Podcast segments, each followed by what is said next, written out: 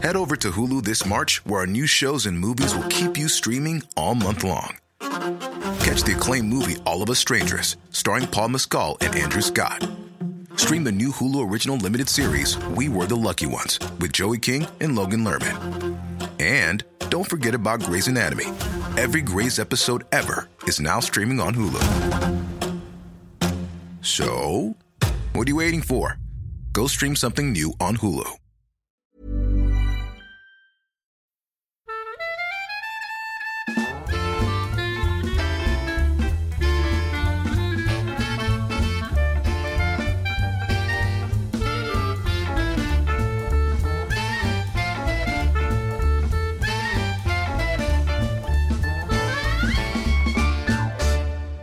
Hallå, du lyssnar på podden Sissi och hormonerna.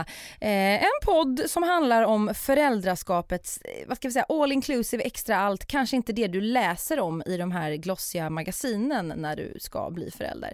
Eh, jag heter Sissi Wallin, du heter? Therese Kroppa Syllner. Och i vanliga fall så sitter ju eh, vår tredje parhäst Sofia Falk här, men hon är på en eh, knullkonferens faktiskt. Får ni höra ett annat avsnitt tidigare om ni undrar vad jag menar med det. Istället har vi en gäst som heter vadå? Jag heter Natasha Blomberg, eh, Lady Damer. Och eh, jag bloggar och det vet ju de flesta och jag har en egen podd som heter Glädjeflickorna. Mm. Lyssna på den. Ja. Absolut. Eh, och du är på smällen? Jättemycket ja. Jätte, men det är en, det är inte fler. Nej, nej, nej, det är en. Du ska föda om, vad är det, två månader? Det, ja, jag har ingen koll på tiden så, men åtta veckor, det är väl två månader va? Ja, typ. precis. Det, det, det är inget tvivel om att det är en bebis där i alla fall. Nej, det är det inte. Nej. Eh, alla vi har ju fött barn innan. Eh, jag ligger lägst här på listan, jag har fött ett barn. Ni har ju fött två, eh, snart tre. Mm. Och vi ska nämligen prata om det här, orera lite kring, är det så att förlossningshistorien är kvinnors svar på lumparberättelser. Sådär som man sitter på tjejmiddagar, kafferaster, förfester till och med har jag varit med om och så börjar någon berätta och så liksom är det bara som att det rinner ur Ja, inte bokstavligen, men ni fattar. Kanske. Kanske. Att man vill väldigt gärna höra om andras förlossningar. Det var jag väldigt nyfiken på även innan jag fick barn. Hur, hur är det för er? För mig är det nog mer så att jag har ett enormt behov av att prata om det snarare än att lyssna. Okej, okay, du vill, vill berätta. ja, nej men det är liksom, jag, jag, tror att många kvinnor upplever att det här var en, väl, en väldigt stor händelse i ens liv och ofta kanske lite traumatiserande också. Antingen kroppsligen eller själsligen och att man har det här behovet av att få prata ut och man går ju sällan i terapi för att prata om sin förlossning såvida det inte har varit liksom jättetraumatiskt. man vill bara på något sätt eh, man, man vill återuppleva det fast, ja, ja. älta lite.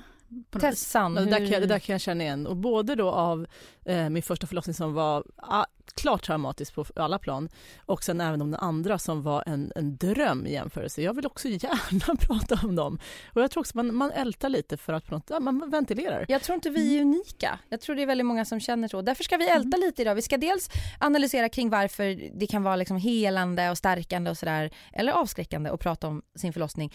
Men också göra några nedslag i våra, det vi har varit med om. Greatest hits. Greatest hits of the births. Natasha, tänkte gästen ska få börja. Du mm. har fött två barn. Två barn. Eh, skulle du säga att det var två väldigt olika förlossningar eller var det ganska likt? Alltså både ja och nej. Jag menar den ska ju ut genom hålet och det är ju ganska lika på båda gångerna. Ja eller man blir snittad men det, det blev ja, inte ja, du. Ja precis, hur det än går till. Men eh, nej det var nog, alltså, första förlossningen var ju, tog väldigt lång tid och var ganska odramatisk på så sätt eftersom att ja, men det tog lång tid och liksom varje steg Eh, ja. Det är väldigt vanligt också att första, Precis. det blir nästan antiklimax för att man säger nu ska jag föda barn och så händer ingenting. Ja, så kommer man in och så bara nej du får nog vänta ett par timmar och så. Ja. Medan andra förlossningen gick så himla mycket smidigare och eh, snabbare. Och där, jag menar första förlossningen tog jag en massa epidural och jag bröt eh, svanskotan efteråt och, eller liksom under tiden medan andra då liksom kunde jag resa mig upp på en gång och typ gå och duscha och bara jonglera med kroppen. så de var väldigt olika, så det är väldigt spännande nu med tredje, vad händer då? Kommer det bli så en tredje Ett upplevelse? ja, blir det en tredje upplevelse eller blir det så samma som första? För då, oh. Men du har ju sagt någon gång i, om det är någon podd vi har varit, eller radio du och jag har gjort eller om det är någon annat sammanhang att det är som att kräkas baklänges. Ja alltså det var ju en stor chock. Första förlossningen så hade jag ju epidural och då kände jag inga krystvärkar. Men sen andra gången så låg man där på liksom och väntade för jag låg ner Och så helt plötsligt så känner man att nej men gud jag måste så här, typ spy. Alltså det var samma känsla lite så här, att det började så här, den här, ja, den här uh, uh, känslan som man får när man spyr och man kan inte kontrollera, man spyr liksom. Krampen liksom. Ja, den här Mm. som kroppen kastar ur sig, Mm. kräkset. Skulle den liksom kasta ur sig barnet fast åt andra hållet. Exakt samma känsla, det var skitbisarrt. Jag har ju bara fått eh, fött med epidural men jag hade ju, eh, ja jag hade ju krystvärkar vad Mm. jag minns. Men det måste ju vara sjukt mycket såklart starkare eh, för andra gången för dig när du inte hade det. Ja, jag hade ju verkar såklart när jag födde första barnet. Jag kände Ja. så här, nu kommer verken och då ska jag krysta. Men den här gången, det var som att liksom hela kroppen bara togs över av någon så inre demon som ville spy genom min fitta. Liksom. Skrek du mycket? Jag, jag är den som, jag gick, jag gick så här, eh, profylaxkurser och skulle lära mig att andas härligt och så här lugnt och man ska ta verken. Härligt också. Ja, Men jag kom fram till att den bästa metoden för mig det är att hyperventilera och skrika. Det funkar jättebra. Blev inte din man livrädd? Trodde du höll på att dö Jag eller? vet inte, han tyckte väl mest synd om sig själv. För ja, det gör ont när du klämmer på mig. så att, ja, Så här, det är lite jobbigt att hålla lustgasen här med armen, Ja, jag får typ. mjölksyra. lite ont i ryggen när jag ligger här. Ja, nej. Så du, du tar fram ditt, nu inför tredje förlossningen, känner du att så här, okej oavsett hur det går till så ska jag ta fram min inre ur så här, Xena warrior Ja men princess. precis, jag menar det finns olika sätt att skrika på också. De pratade hela tiden under profylaxen så att du ska inte skrika högt upp i halsen för att då tar du kraft och då orkar du inte så här. Alltså man, man slösar kraft på det. Men jag känner att när man skriker, du vet det här vrålet från magen, så får man kraft på något vis. Mm. Så jag tyckte det var effektivt, jag, jag kör på det. Tessan? Jag, jag, jag, jag använder lite av det här urlätet, det här mm, gutturala, eh, Mm. nästan, inte väsandet, lite högre än det. Eh, jag tyckte också Tänker det vi var effektivt. Gollum eller tänker vi lite mer Mm. Sparta? Det här Nej, lite 300, mer, vet du vad man säger? om? Mm, Nej, något lite mer saftigt. Typ, jag tänker om Shrek skulle growla lite. Babian sa de till mig på profylaxen, att man skulle tänka så här, en avslappnad babian. Ja, hur fan Som vet så man hur avslapp, Man avslappnad skulle så här, babian slappna av låter? hela ansiktet, så skulle Mm. man säga "Uh, uh." Mm. Eller som en ko liksom. Mm, ko. Ja. Cool. Där har vi det. Bästa Men det- liknelsen. För, för kände du, jag har en kompis som beskrev det som att när hon, man, man är ju nästan utomkroppslig nästan också samtidigt när man föder. Eh, att vem släppte in kon i salen? Och så var det hon som lät som en så här, ja, döende ko. Sen, var det så för dig att du bara, var kommer de här ljuden ifrån? Eh, Ja, alltså andra förlossningen då var allt lite mer sansat. Första hade jag ju för mig att jag verkligen vrålade och jag sa det till Johan efterhand så här, gud skrek jag jättehögt. För jag har sånt tydligt minne av att jag skrek i den här lustgasmasken och skrek utanför den. Och han bara, nej, jag tror inte att jag har ingen minne av att du skrek. Så jag vet inte, men det, hela min första förlossning var som en lång syratripp på grund av den här eh, överdoseringen av lustgas. Ja. Ehm, så jag hade såna sjuka så här, hallucinationer och um, vanföreställningar, det var fruktansvärt. Så att go easy on the lustgas kan vara tips. Jag gillade inte lustgasen. Nej. Faktiskt. Jag jag gillade den väldigt mycket, alltså för mycket. Mm, alltså jag gillar ju droger generellt men eh, Där klipper vi bort. Nej, alltså. Kanske inte när man är på smällen. nej. Men nej det var mest obehagligt och rösten blir så här jättekonstig. Ja. Jag bara när jag ska prata efter typ säga nej men den här vill inte jag ha på, blä blä blä, då bara panikkänsla. Det minns jag från min första, eh, just när jag drog jättemycket lustgas i samband med att hon skulle sy. För att jag sprack väldigt mycket, men hon kunde ändå sy det i salen. Eh, och då säger jag till den här, eh, det var en manlig barnmorska som eh, var Jättesnygg säkert Ja men det också. var han faktiskt. Kul. Eh, så, så lite så här änglalik, världens finaste på alla sätt. Eh, och han tog mig hand, eller på armen och då skulle berätta att nu ska vi undersöka om du har fått en sfinkterruptur. Och det är alltså när man spricker från Ystad till Haparanda? Eh, exakt. Eller Haparanda Och jag tyckte ja. att när han sa det här ordet, liksom sfinkterruptur, när Gustav sa det då lät det så som något fint och vackert. Tills så här, verkligheten kom ikapp och jag bara Så här, nej! Jag kommer typ få bajsträna för resten av livet. Och då kommer de här fyra läkarna på rad och skulle undersöka i analen hur det låg till. Så det är fyra personer som grävde i ditt anus? Ja, inte samtidigt. Men Nej. efter varandra. För att det är det här man inte vill höra. Första läkaren kollar och bara, "Ant, jag måste kalla på en kollega. Jag kan inte Mm. avgöra det här. Nästa in, samma sak, härjar runt lite analen. Sen så bara, jag måste få ett extra utlåtande.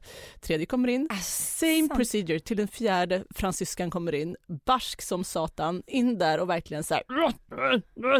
Tills hon då säger på, eller så här med fransk brytning så här, den är intakt.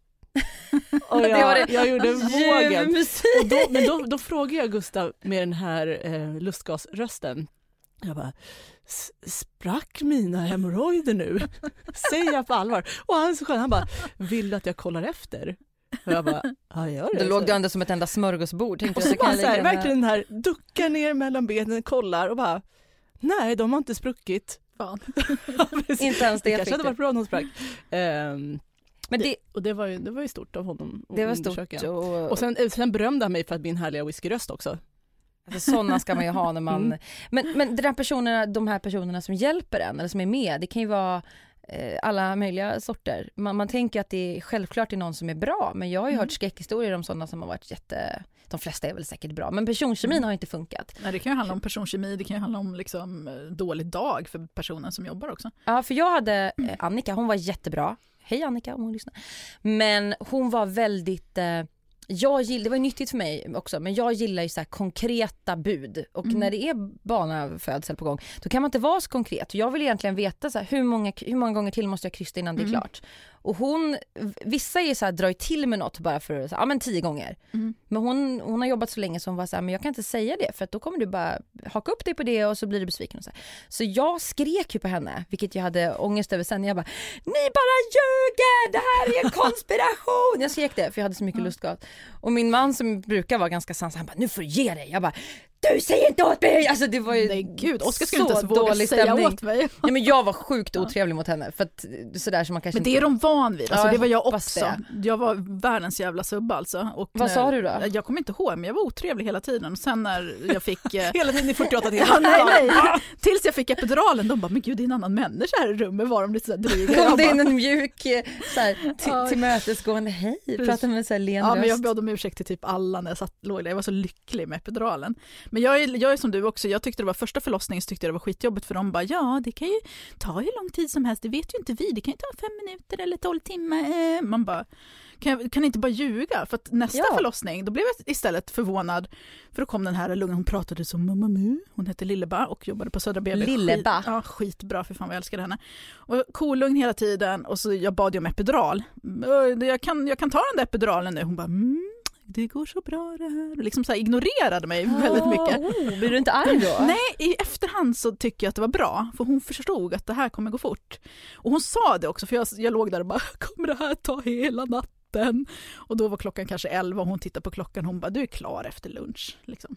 Och jag bara, men det kan ju inte du svara på, för då hade jag den andra men det förlossningen vill man liksom ju i... höra. Ja men man vill ju höra det, även om det hade tagit tre timmar till så vill man bara att någon säger snart. Ja, att man klart. får ett delmål för att Ja. den här out, vad ska jag säga, helt bizarra smärtan som man ofta, de tror jag flesta upplever Ja. när man föder vaginalt. Det är liksom om man, om man jämför med någonting annat i livet, så här, ja, det går inte att jämföra riktigt. Men den säger, jag har börjat springa till exempel och det är ganska vedervärdigt. Så jag Mm. kör intervallträning nu bara för att jag liksom vill bli bra på det. Och då vet man så här, okej nu är det 30 sekunder kvar. Och det är Mm. så jobbigt och det smakar bara blod i munnen och det känns som jag ska bajsa ner mig. Men om 30 sekunder så kan jag liksom Ja. portionera ut den här och sen bara Precis, Men- man vill inte höra att det vet inte jag, det kan ju Nej, ta hela kan få natten. springa här i två timmar, det vet vi inte. Utan bara säg Mm. någonting då. Fast det måste ju vara att de har fått äta upp det så många gånger. Att de säger så ja men om ett par timmar så är det över och sen så är det inte det. Bara du sa att det Ja, skulle det är klart. vara." Jo, nej, Annika men var det- jättebra, det var jag var bara så här stackars henne på ett sätt för jag borde ju varit cool där men man är ju inte cool. Men det man är ju det där med personkemi igen, alltså hade du träffat någon som kanske kände, alltså som du klickade med, så hade det kanske funkat bättre för att då hade ni liksom hittat någon slags connection, hon hade vet hur hon hade kunnat prata med dig. Mm. Jag tror det handlar så mycket om det, att man får liksom rätt person för, för en själv. Hon kanske är skitbra med någon annan som precis är exakt vad den personen behöver. Mm. Medan Lilleba till exempel, hon var skitbra för mig, men hon hade kanske drivit någon annan till vansinne.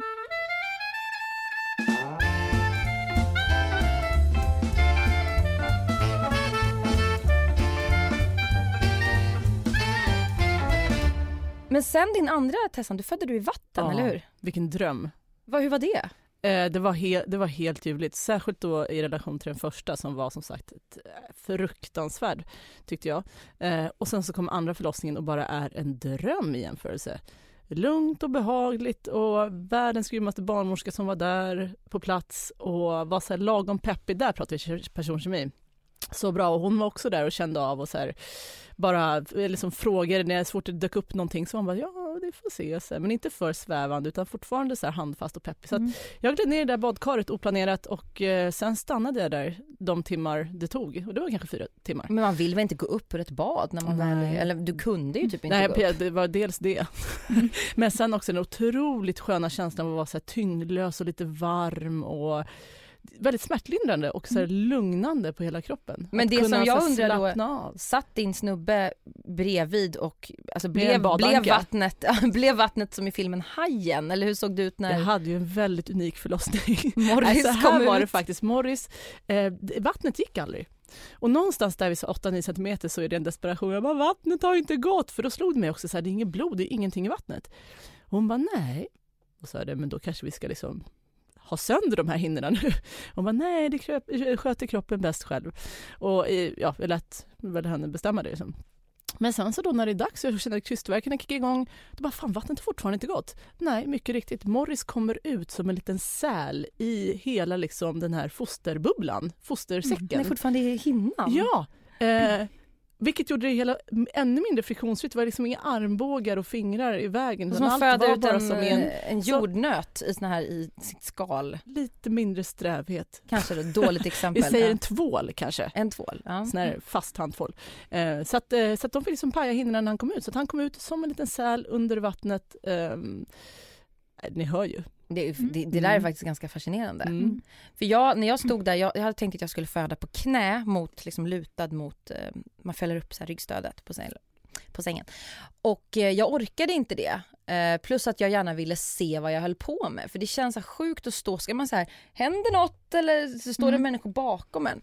Så det slutade med att jag låg på sidan och eh, Helmer kom och jag hade väl någon bild av, man har ju tittat, det kanske ni också gjort på massa Youtube-videos och Ja, helt besatt och sånt. Ja, och det är ju jättelätt att få en bild framförallt av film också att det är så här ungen bara sakta sakta så här, Åh nu kommer den i slow motion och så tar vi emot den så här fint. Helmer flög ut som en ja, tvål. En oljad. För att när huvudet kom och sen så satt allt vatten, för mitt vatten gick typ aldrig heller. Det sipprade lite men det gick Mm. aldrig så. Allt vatten var ju bakom fötterna så att han surfade ut i en våg av vatten, blod, slem och jag och Linus blev så chockade. Vi var så här, och bara ser i ultrarapid hur han håller på och liksom med att han flyger en meter och nästan de tappar honom. De tog lyra liksom. Ja verkligen, de fångar honom i luften och vi bara och det hade inte jag tänkt räknat med. Att Nej. de kan vara så, hur var det för Alltså det var väl lite så för mig också. Vattnet har inte gått med någon av mina barn utan det har kommit också när barnet kommer ut. Ja, och det är en lite Eh, spännande överraskning. Ja, precis. Och- Och det, men det var som att föda fram en säl eller en sprattlande lax tyckte jag. För att huvudet gick ju trögt. Och sen när väl huvudet var ut så liksom gick det jättefort. Men mina båda mina barn fastnade faktiskt också. Gjorde de? Eh, ja, Ninja fastnade vid halsen. Då tog verkarna slut. Det är inte det att hon fastnade för att hon liksom inte fick plats utan verkarna tog slut. Vilken Och ångest. man, ja, och man behöver ju verkar för att kunna krysta fram. Eh, Men de, de vet ju, de har ju något här knep, de typ slår en på magen lite och då sätter verkarna igång. Men det tog nästan tio minuter och sen gick det ju väldigt snabbt när första verken kom. Då krystade jag ut henne. Och samma sak Tamlin, men han eh, fastnade halvvägs med huvudet.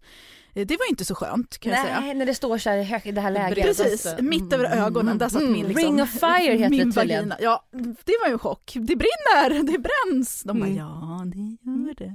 Men gud vad provocerande med den Ja. rösten också. Ja, det är så härligt, jag älskar det. Men de är så pepp och de är så glada. De bara, de, är så ja. glada för de vet att när det bränner då är det ju jävligt nära. Ja, de var ju så här, jag Ja. minns första gången, då hade jag också en manlig barnmorska. Jag hade ju fler, alltså det var tre stycken som stod där vid sängen och så Oskar som stod i vägen.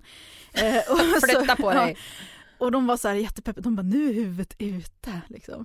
Då, då var det Ögonen liksom typ, enligt dem så var det typ klart och det var det ju men det fattade inte jag då. För det är ju klart då. Sen Mm. är det ju Ja, kroppen. Det här Den- ja. Men sen ska man ju faktiskt också, vilket jag inte hade koll på, krysta ut den här moderkakan. Och så sys ihop Mm. och men första då var det så adrenalinkick, liksom man fött barnet.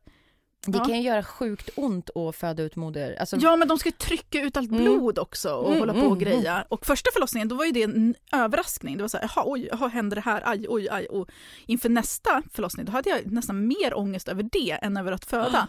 Det var så här, shit nej när jag föder då kommer inte jag vara klar. Då ska Nej. de trycka ut blodet och så ska livmodern, eller moderkakan ut och så ska... livmodern ska ut också. Ja, det hoppas jag på nästa gång. Ja. Du är färdig sen. Krysta hårt Precis. då. Nej men och så ska de sy och så ska det, allt kommer ta så lång tid så jag kommer ligga där i 40 minuter liksom med benen i vädret. Och, Men jag måste bara säga, för jag, jag var också rädd för det. Jag tyckte det kändes så här sjukt bisarrt att ha den här nyfödda underbara lilla varma kladdiga personen på bröstet och så stod Mm. Linus bredvid och man ska vara så här, åh nu är min familj och gråta lite. Samtidigt som man ligger och bresar och det står ett helt jävla Läkare. läkarteam eller så här, tre personer med pannla hon hade Ja, pannlampa min eh, Annika som sydde mig. Och så- Orienteringskarta. Så. Ja exakt och, och lite- man hade fika med sig och triangelkök och. Nej men då, då står och så, så säger hon så här till mig, jag hör det någonstans, man, är ju, man har ju så mycket adrenalin Mm. och så här. Då säger hon bara, nu kommer det svida för nu kommer vi spraya någonting på så Ja. att det, ja bla bla och sen kommer vi Jag kände inte ett skit. Det Mm. var som att den delen av min kropp kan jag säga lite peppande då till folk som ska föda barn och har blivit helt skräckslagna här nu. Ja, gud ja. Den delen av min kropp, som naveln och ner, jag, hade, typ, jag var helt bortkopplad för att Mm. hela min, allt var bara här uppe. Ja, men så var det för mig Adrenalin. också. Jag sket i det. kunde ha stått alla på sjukhuset hade kunnat stått där, gäster och folk. Jag hade bara, gör in, vad ni vill. in.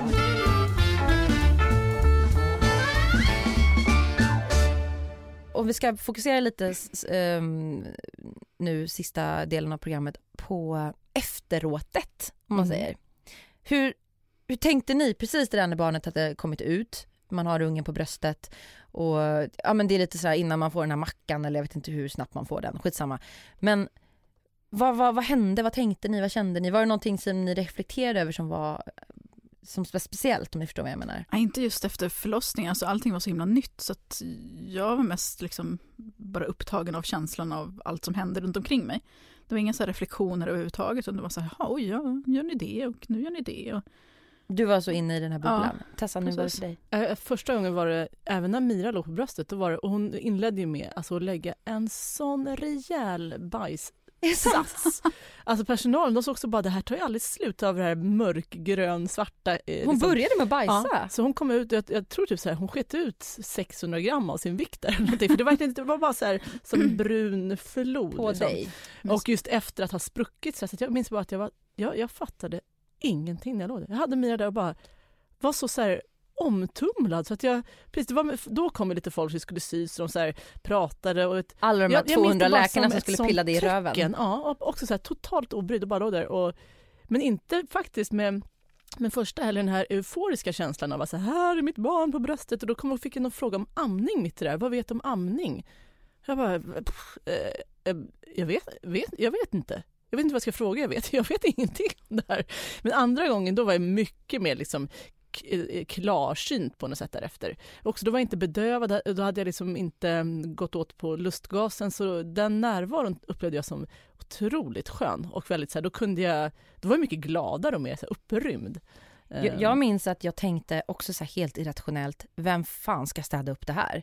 För det var inte direkt, men när man hade legat där med bebisen en stund och han hade snuttat lite på, försökt att snutta lite på tutten och jag skulle liksom försöka resa mig upp, Linus tog honom och jag skulle bara sätta mig på sängen och bara titta mig omkring och så här, det här ser ut som liksom motorsågsmassaken. Mm. Och det ska man egentligen skita i men jag, ty- jag kommer ihåg att jag tyckte så synd om dem eller den människa som skulle ta, jag var nästan så här, ska jag börja, ska jag städa ska jag göra något? De bara nej, du har fått ett barn, fokusera. Men jag, det är också så här konstig irrationell. jo, men man tycker synd om folk, det gjorde jag också faktiskt. Det var, det var sånt äckel, alltså det var så Mm. ovärdigt, men det är väl så det är varje gång. Men Ja, ja, de måste ju högtrycksspola det där rummet. Men alltså Ja. jag tycker ju mest synd om barnmorskan som kom in dagen efter till mig. Eh, Man har ju den här lilla knappen man ska ringa på och jag när jag vaknade på morgonen, det var när jag hade fött Tamlin, eh, fick jag ju mitt livs överraskning. Det Ja, här men hade jag aldrig det. hört talas om har tidigare. berättat om, för du berätta igen här för lyssnarna. Ja, nej, alltså det var fruktansvärt. Jag reste mig upp liksom lite på huk för man är lite trasig och trött i kroppen. Så jag satte mig liksom på huk på, på sängen eller, ja, och skulle så här, äh, ta hand om bebisen. Så bara känner jag att jag föder någonting. Jag bara, men gud, är det någon så här tvilling som kommer ut nu? Så här, någon, alltså det, var, det var någonting som bara liksom ramlade ut ur vaginan. Det var inte något litet utan det var, man kände att här, nu föder jag någonting. Och, Substans, och det var inte bara liksom. en grej, det var liksom bara, höll på där.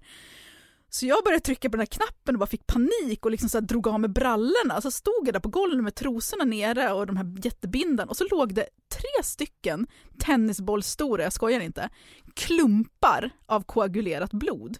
Oh. Och jag bara gud, jag skämdes, jag kände mig jättedum och det var så äckligt och jag var rädd. Men hon, hon liksom bara ja, ja, hej, hej, ja. Det var helt, fullt, Helt normalt. Fullt, fullt normalt. Ja. Tydligen, för det är så här koagler och det är väl för att jag har legat still, då, legat ner på rygg och så har det här blodet från liksom min kropp som ska ut egentligen legat liksom under natten då. Och format de här tennisbollarna. Bollarna. Ja, ja, mitt, Nej! Nej. ja, eh, min upplevelse av det, det är fiskbullar, den sizen. Fiskbullar som ramlar ur. Man Men det var så sitter, här, tennisboll ja. man, sitter på, man sitter på toaletten efteråt, alltså dagen efter tror jag, och man bara hör så här dunk, dunk, dunk, alltså hur liksom, och Ja. det är inte bajs utan det är det bara ramlar ur saker. Ja, så slem och grejer. Men det, det var jag ju van vid. Liksom, de Ja, här det var inte jag, det var ju liksom. första gången för mig. Plus jag att jag har gjort abort tidigare, då också var de här klumparna. Men det här Mm. liksom, man kände hur det var något som passerade. Man bara, vad fan? Men vi ska runda av, men jag tänkte bara vi skulle eh, lite så här vett och etikett är väl fel att döpa det till, men någon slags eh, vägledning i hur mycket ska man prata, tjata, älta sin förlossning? Det finns ju en del kvinnor som blir jätterädda och stressade. Alltså jag tror man får fråga helt enkelt. Eh, eller känna av läget. Är det här någonting som du vill prata Alltså man märker ju så här folk bara, mm, okej. Eller någon som blir så här, åh vadå vad hände sen? Och, Ja men precis, man märker ju så på engagemanget med den man pratar om och då kan man ju liksom Känna av lite där. Ja, och, och de flesta som jag träffar de älskar ju att prata om sina förlossningar för det är ju det verkligen det här, man vill, man vill ta det här igenkännandet, man vill så här bekräfta med de andra, har ni också varit med om det här, var det här konstigt? För det är ju ett trauma. Mm. Det är så här, de här grejerna hände mig, hände det dig- dig också liksom? Mm. Och jag tror att det är något sätt för oss att bearbeta, bearbeta det som hände och komma över. Liksom. Absolut, jag sa, redan så här eh, dagarna, vi var kvar i ganska många dagar för han hade gulsot och sådär. Så vi satt ute i det här all gemensamma köket, rummet och där började jag redan så här